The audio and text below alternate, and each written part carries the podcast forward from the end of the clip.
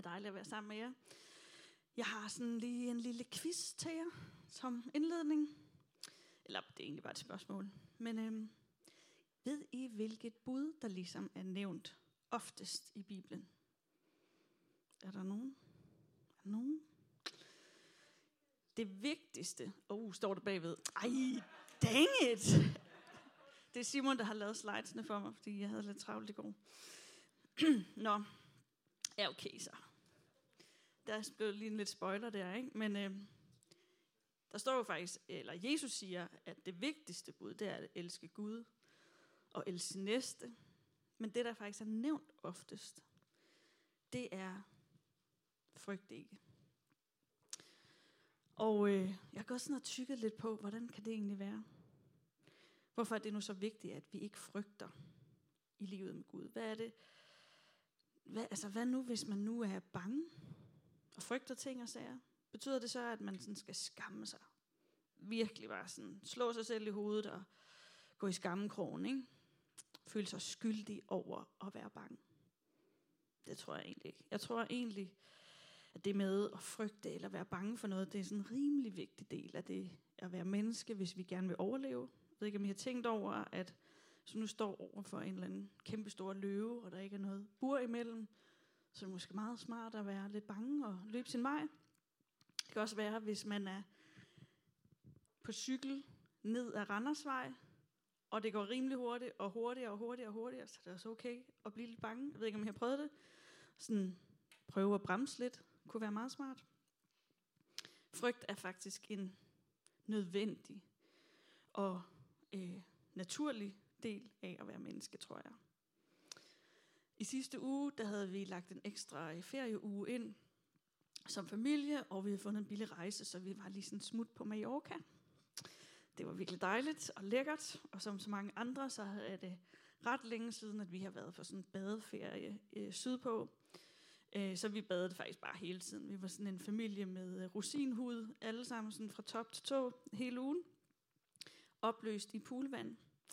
Øh, men her tænkte jeg også en del over, at det måske var meget godt, at øh, børnene er klar over, at vand kan være lidt farligt, og det faktisk er fint at være lidt bange for vand. Og jeg havde også den her historie i baghovedet, det ved jeg ikke, om I kan huske, men tilbage i 17 var der en dansk familie, som var på ferie på Mallorca, hvor deres lille dreng var stået op om morgenen, uden forældrene opdagede det, og var gået ned i poolen, hoppet i og druknet. Helt forfærdeligt. Så når vores lille Ellie på fire år står nede ved det dybe vand, så er det faktisk helt okay. Hun er lidt bange, synes jeg. Frygt er en naturlig og god reaktion på farlige ting. Så hvorfor står det her med frygt ikke så mange gange i Bibelen? Hvorfor?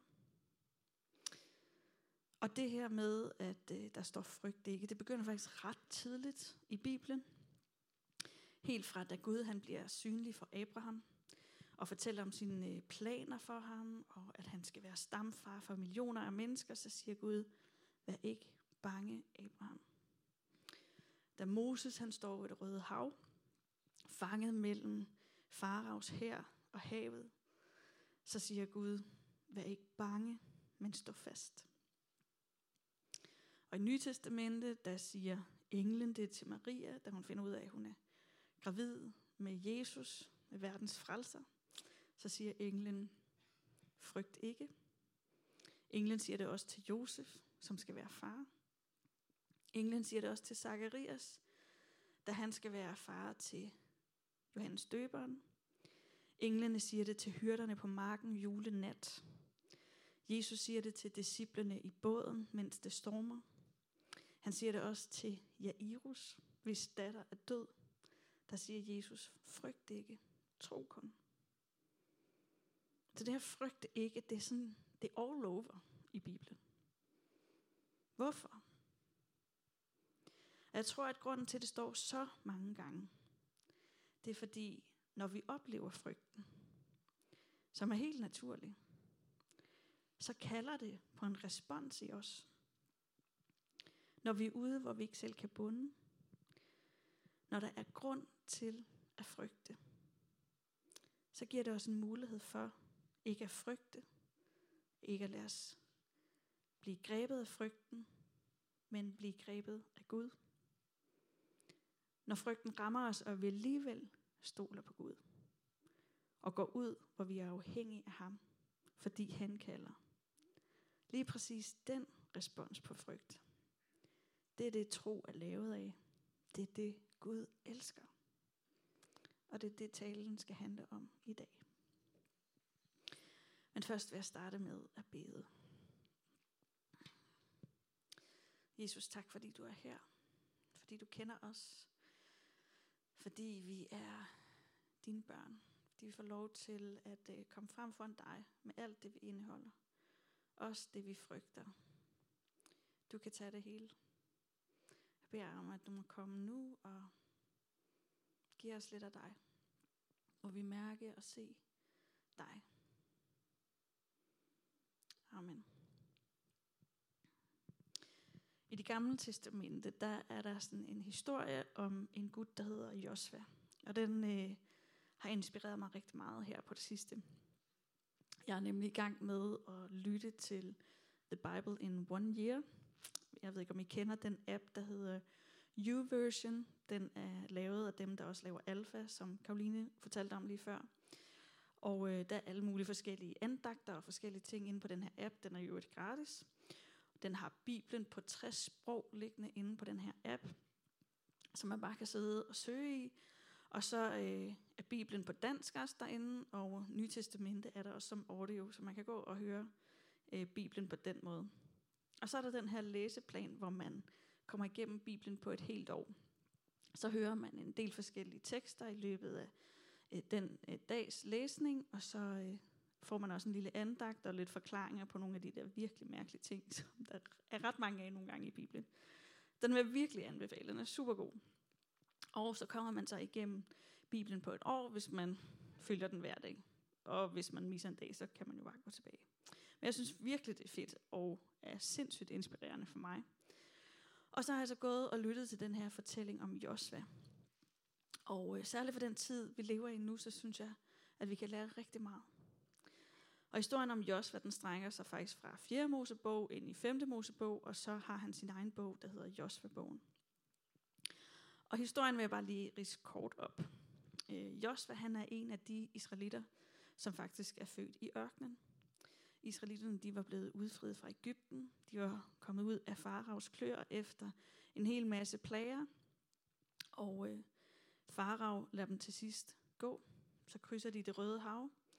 Og Moses han får 10 bud af to omgange på nogle stentavler af Gud. Der bliver bygget sådan et øh, mobilt tempel rundt om de her stentavler, tabernaklet. Og de er 40 år i den her ørken, hvor Gud former sit folk. Fra slavementalitet til et folk, som er klar til at indtage det land, som Gud har tiltænkt dem helt tilbage fra Abraham. Et folk, som skal velsigne hele verden, nemlig med Jesus. Og de har set en masse under ude i ørkenen. De har set det røde hav blive delt. De er blevet øh, givet mad fra himlen som manna, der sådan er drysset ud hver morgen. De har set vand komme ud af klipper, Gud har været til stede i en ildsøjle over det her tabernakel og vejleder dem, hvor de skal gå hen. Gud har simpelthen været meget stærkt og sådan helt til stede, og der har været mirakler dagligt. Men det her folk, israelitterne, de har sådan på mange måder bare sådan ret sådan fodslæbende karakter stadigvæk. De er nogle brokkehoveder, og der skal ikke særlig mange øh, meget til, før de ligesom giver op og bare sådan helt, åh, men nu kan vi ikke klare noget. Ikke? Og øh, der, hvor vi rammer historien i dag, der har de været på den her lange ørkenvandring, og så står de foran det land, som de er blevet lovet. De er gået og længtes efter, og de er gået hen imod. Det er et land, som de blev lovet fylder, flyder med mælk og honning.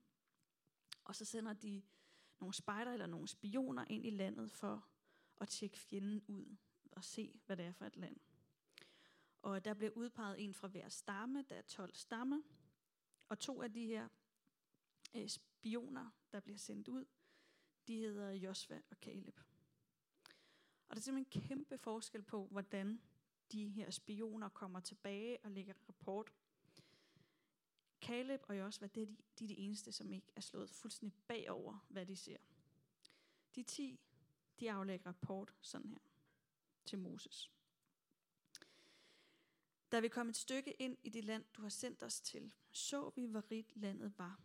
Det var et virkeligt land, der flyder med mælk og honning. De frugter, vi har med tilbage, er bevis nok. Men med hensyn til indbyggerne har vi dårlige nyheder. Det er et uhyre stærkt folk, som bor i store, befæstede byer. Josua Kaleb siger til gengæld, lad os komme afsted. Vi kan helt klart indtage landet. Men de her rapporter, der kommer fra de 10, de får simpelthen folk op i det røde felt. De bliver mere og mere oprørte, de anklager Gud, og begynder at sige, at de hellere vil tilbage til Ægypten, og de bliver de er virkelig vrede over, at nu står det endelig her, de er gået 40 år i ørkenen, og så er det bare det her, der møder dem. De er så vrede. Og så siger Caleb og Josva igen, begriber I ikke, at det er et vidunderligt land? Hvis vi er lydige mod Herren, vil han føre os ind i landet og give det til os. Det er et fantastisk frugtbart land, der i den grad flyder med mælk og honning. Hvorfor vil I gøre oprør imod Herren? Hvorfor er I bange for landets indbyggere? Vi kan sagtens indtage landet, for Herren er med os, mens de er uden beskyttelse. Hvad er I bange for?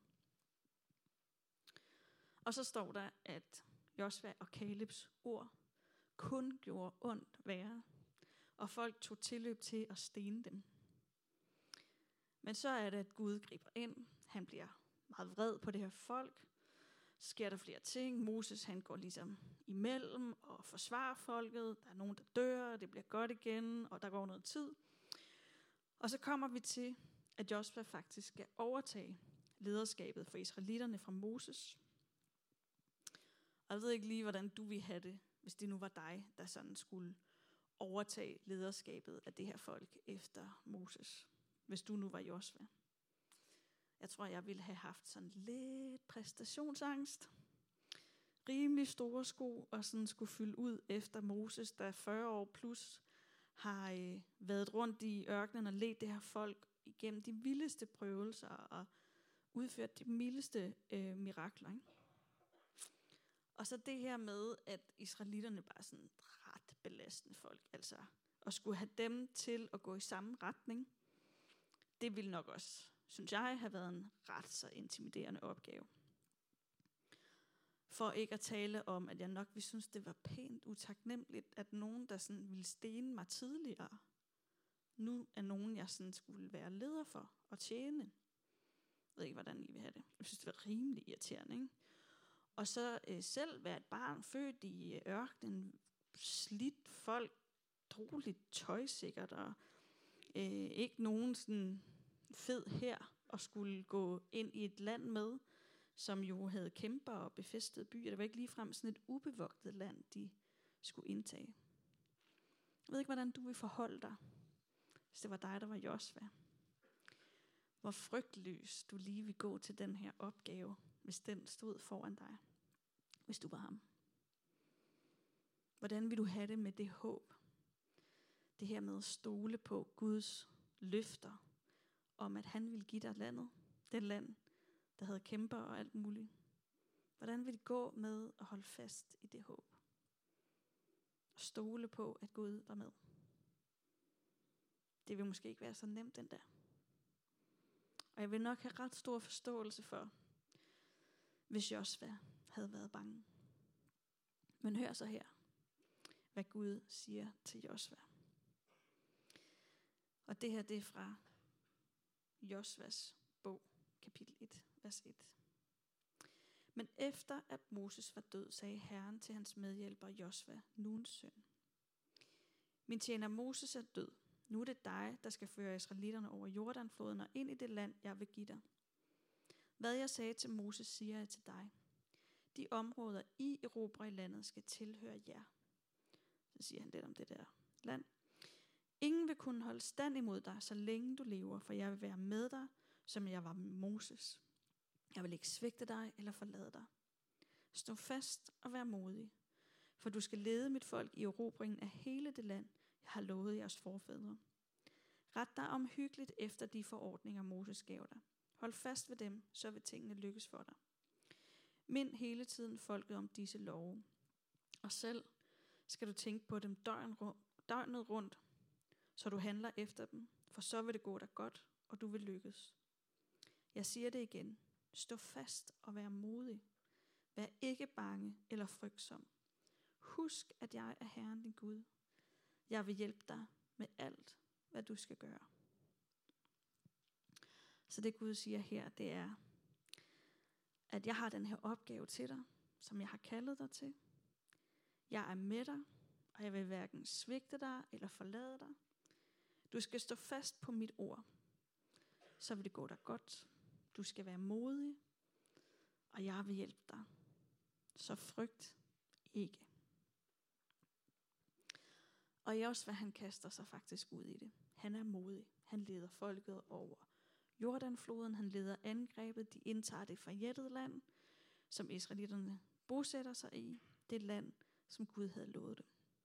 Mega sejt. Og Jesus, nej, Josvas respons på den her, øh, det her frygtindgydende scenarie, han stod overfor, det var tro. Det var med mod. Josvas respons på frygten, for han må have været bange, ikke? Ellers ville det nok have været sådan lidt overflødigt at skulle til at sige frygt ikke. Men hans respons, Josvas respons på frygten, det var mod. Og den modige bevægelse, han gjorde, det var hans tillid til, at Gud var med. Tilbage til vores elle ved poolkanten. Det er godt, at en fireårig, som ikke kan svømme, er bange for at hoppe i. Frygt i den forbindelse er faktisk helt på sin plads. Men hvis nu scenariet er, at Simon, ham der, hendes far, han er i poolen og råber hop, jeg griber dig. Så er det pludselig et helt andet scenarie. Så er det helt anderledes. Så handler det ikke længere om, om hendes frygt er berettiget, og hvorvidt vandet er farligt, men 100% om hendes relation til sin far. Om hendes tillid til ham. Om tilliden overstiger frygten for vandet. Om hun tror, han er typen, der vil gribe hende, når hun falder eller hopper. Om hun tror på, at han er stærk nok til at gribe hende. At han kan bunde der, hvor hun ikke selv kan bunde. Og at han ikke slipper hende sådan bare lige uden videre. Det er det afgørende. Og det er det afgørende for, om hun tør hoppe, når han råber, hop, jeg griber dig. Det var kun to ud af 12 spioner, som havde tillid til Gud. Det var kun to ud af de 12 spioner, som troede, at hvis Gud er med os, så betyder størrelsen på de der kæmper ikke så meget. Det var kun to ud af 12 spioner, som havde tillid til, at fordi Gud havde kaldet dem, så skulle alting nok gå.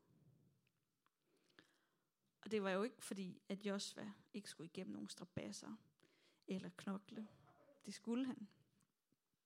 Men Gud havde kaldet ham. Og det var nok til at respondere på frygten med mod, med tillid, med tro. De ti spioners problem, det var, at de konkluderede på baggrund af det, de kunne se, det de oplevede, det de kunne føle på. Men de glemte Gud i ligningen. Og så fik de hele folket med på den her frygtvogn. Og det er næsten banalt at nævne, ikke? Men det er præcis sådan, det er lige for tiden, synes jeg, i vores samfund. Gud er skrevet ud af ligningen, og frygt får lov til at dominere dagsordenen hele tiden. Der er kun frygt tilbage. Og præcis som israelitterne, så har det globale samfund været igennem sådan en ørkenvandring, corona-ørkenvandring. Ikke? Vi er slidte, vi brugte. Det er svært at gennemskue, hvad det er for et landskab, vi står overfor. Som nationer, som individer. Og vi har længtes efter at komme til noget genåbning, komme til et sted, hvor vi kan tingene igen. Men det er også lidt skræmmende. Ikke? Det er så nemt, at frygten tager over, fordi det hele er lidt ukendt.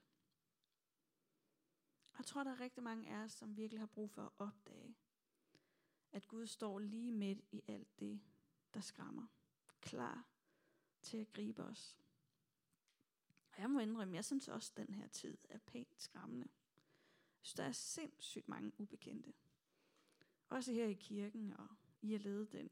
Som kirke er vi igennem en masse omvæltninger. Vi har omrokering i præstestaben. Der er en masse ting, som er ubekendte.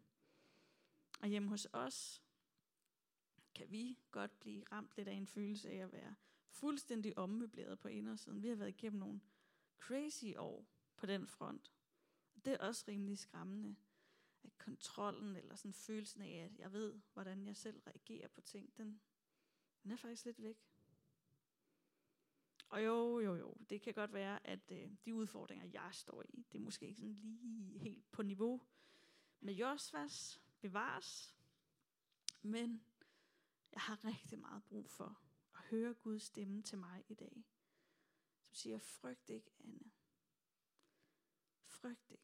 Jeg har simpelthen brug for at høre hans stemme kalde mig til at træde ud, hvor han kalder mig, når han siger, følg mig. Og der er mange ting, som jeg synes skræmmer mig ved at følge ham lige for tiden. Men han kalder mig til at stå fast og være modig, til ikke at frygte, fordi han er med mig.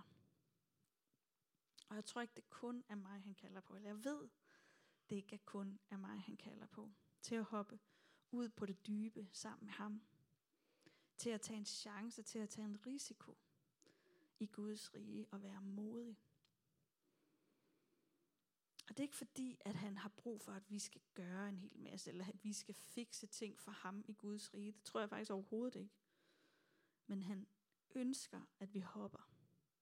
Fordi han elsker, når vi kaster os ind i livet med ham, i tillid til, at han bærer os.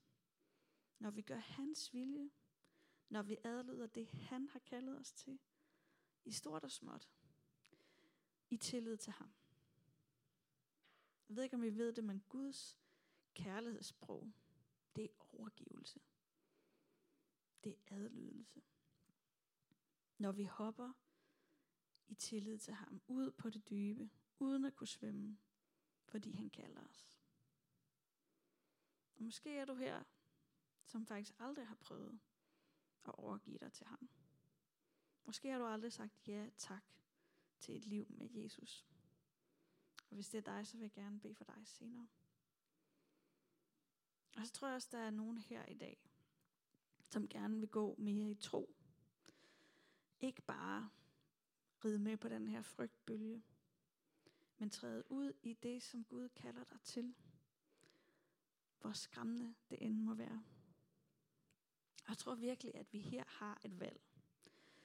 Vil vi være spioner, der kun ser alle de farer, der er? Eller vil vi være en af de to, som har tillid til, at Gud han bærer? Det kan være, at du oplever, at Gud kalder dig til at gå ned i tid, eller skifte job, eller studieretning, eller et eller andet, for at være mere generøs, eller gøre noget andet. Også selvom det koster dig økonomisk. Det koster dig på din sikkerhed, din kontrol. Og det er mega skræmmende. Det kan være, at Gud kalder dig til at dele din tro med andre. Mega skræmmende. Det kan også være, at øh, der måske ligger et kald til at plante en kirke, eller være med på et team. Måske kunne det være, at du skulle have bøn for det. Vær modig. Det kan også være, at øh, Gud har kaldet på dig i lang tid til at gøre den mest skræmmende. Noget af det allermest skræmmende. Bevæge sig ud i at være stille med ham. At turde have tillid til, at hvis du går på opdagelse i dig selv, sammen med ham, at han også bærer dig der. At han også elsker dig der. Hvis du har det sådan, hvis du har brug for at høre Guds stemme lidt tydeligere og sige hop, jeg bærer, så vil jeg rigtig gerne bede for dig. Og så havde det var egentlig på vej herhen. Øh, var ikke en del af talen i morges. Men fik sådan en fornemmelse af, at for det her handler jo meget om sådan at gøre et eller andet og træde ud i noget nyt.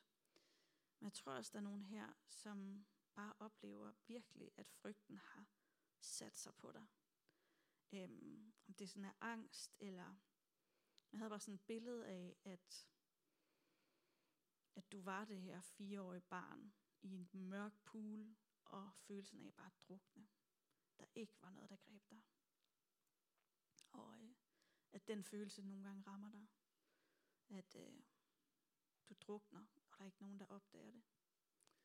Du er bange.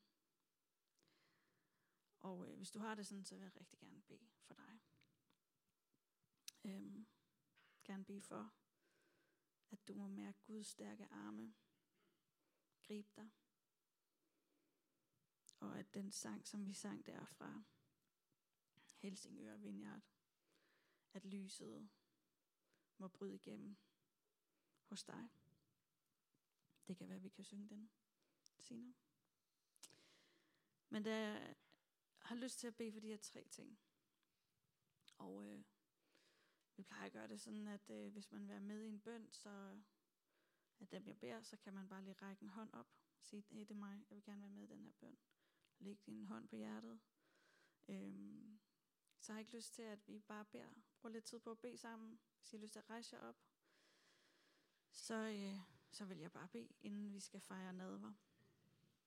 Jeg tror virkelig på, at øh, bøn øh, er fyldt med kraft. Og øh, er noget af det, der kan bryde mørke og overvinde frygten. Ja. Først så vil jeg bare øh, bede for dig, som ikke har prøvet at overgive dit liv til Jesus før. Som hvor skræmmende det end måtte være, drømmer om at få et liv med ham.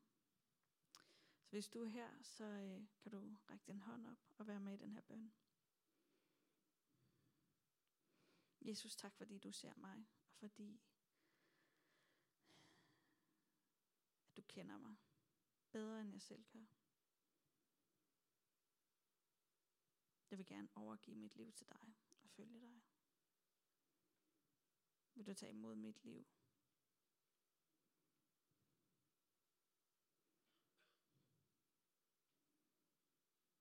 Amen. Og så beder jeg for dem af os,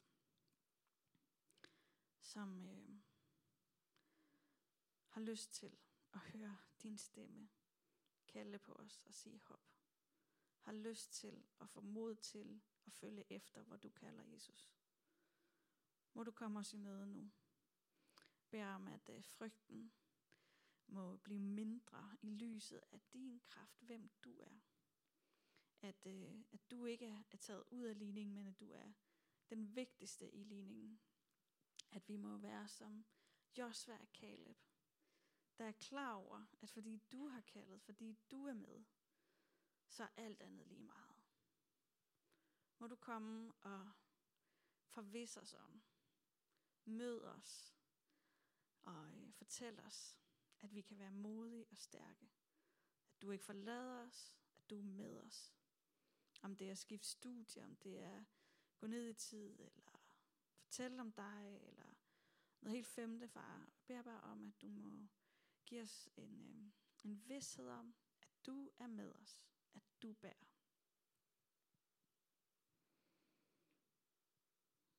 Og så vil jeg bede for dem her, som var det her billede af at være i en mørk pool, hvor det hele er så skræmmende.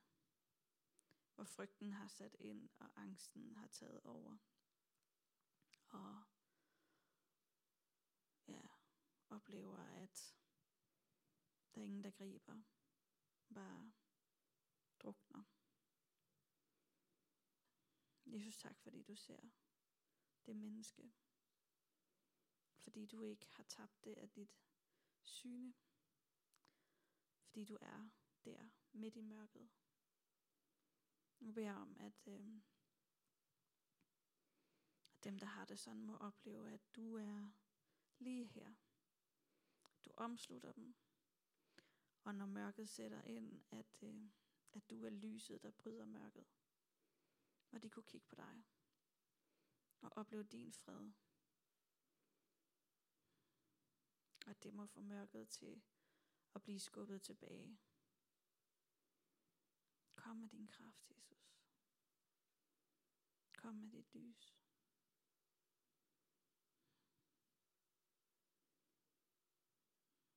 Amen. Vi skal slutte med at fejre nadver.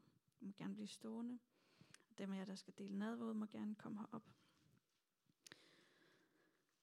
Jeg vil læse nadverteksten. Det følgende er, hvad jeg har modtaget fra Herren, og hvad jeg også har givet videre til jer. Den nat, da Herren Jesus blev forrådt, tog han et brød, takkede Gud, brækkede det over og sagde, Dette er mit læme, som gives for jer. Spis det til minde om mig. Efter måltid tog han også vinbæret og sagde, Dette bærer vin af mit blod, som besejler den nye pagt. Hver gang I drikker det, så gør det til minde om mig. Indtil Herren kommer, forkynder I derfor budskabet om hans død, hver gang I spiser af brødet og drikker af bæret. Vi plejer at gøre det sådan, at man kan få nadver, modtage nadver her og her, tage det med ned på sin plads, og så øh, indtager vi det sammen, hvor jeg indstifter det. Så velkommen til nadver.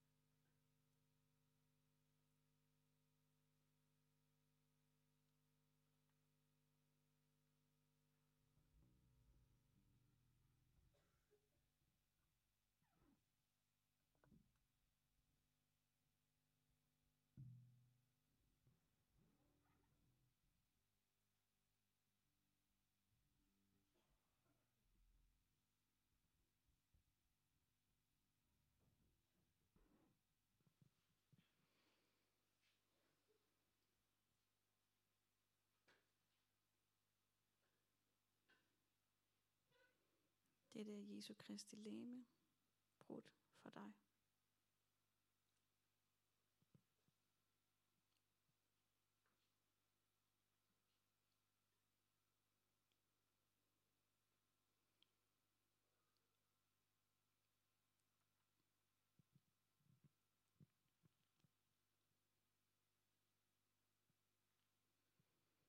Dette er Jesu Kristi blod, udgydt for dig.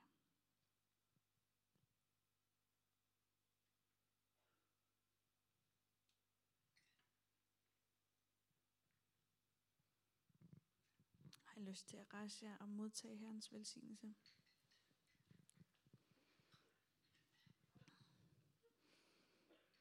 Herren velsigne dig og bevare dig. Herren lader sit ansigt lyse over dig og være dig nådig. Herren løfter sit ansigt mod dig og give dig fred. Amen. Vi vil fortsætte med at tilbede lidt, og øh, så vil der være mulighed for at blive bedt for. Det kan være noget af det, jeg har talt om, det kan også være noget helt andet. Hvis du har en bekymring, du gerne vil lægge over til Gud, eller øh, en fysisk skavank, noget vi kan bede for, så kom endelig herover til forbøn. Og øh, så lidt senere, så fortsætter vi gudstjenesten, eller fejringen af Gud i dag, ved at være sammen og have fællesskab efter vi har sunget.